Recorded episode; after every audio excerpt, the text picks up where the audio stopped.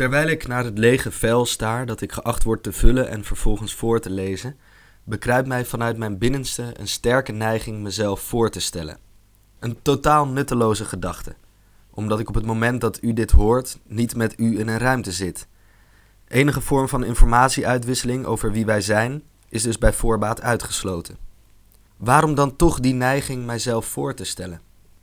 Als schrijver geef ik onophoudelijk andermans verhalen vorm. Ik creëer personages, rust ze uit met een doel, verlangens en angsten. Het liefst zijn deze personages meerlagig, driedimensionaal en diepzinnig. En, onontbeerlijk, de ontwikkeling. Een begin- en eindpunt waartussen ups en downs, voor- en tegenspoed en uiteindelijk een belangrijk inzicht zich voordoen. Dit alles binnen een verhaal dat zich kenmerkt door eenheid van handeling en, als het een complex verhaal is, ook nog met peripetie, een omslag.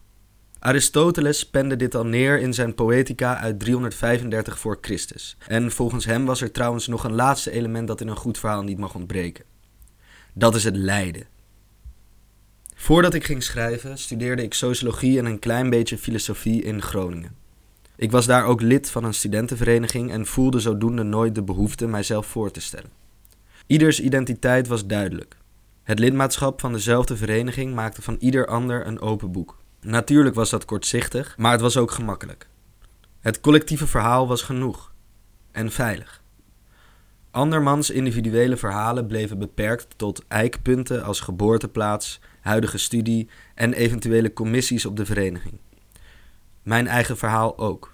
Als ik nu mijn Groningse vrienden spreek, die inmiddels allemaal begonnen zijn aan hun eerste baan bij een groot vastgoed, consultancy of advocatenkantoor en aan de voet staan van een prachtige carrière met eenheid van handeling, moet ik altijd uitleggen wat ik nou precies doe.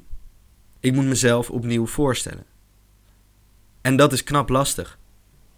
Wie ben ik? Er is geen collectieve identiteit meer die ik deel met mijn verenigingsvrienden en met het schrijver zijn, zijn zij onbekend. Daar kom ik dus niet mee weg. Sinds ik weet dat ik stage ga lopen op de redactie van Donald Duck Weekblad, gooi ik dat stripverhaal vaak in de strijd. Beginnen in mei, eindigen in juli en ondertussen hopelijk een boel geleerd. Een duidelijk lineair verhaal met een ontwikkeling voor de protagonist. Dat ben ik zelf dus. Maar mijn verenigingsvrienden zijn niet op hun achterhoofd gevallen en laten zich niet afschepen met zo'n simpel verhaal.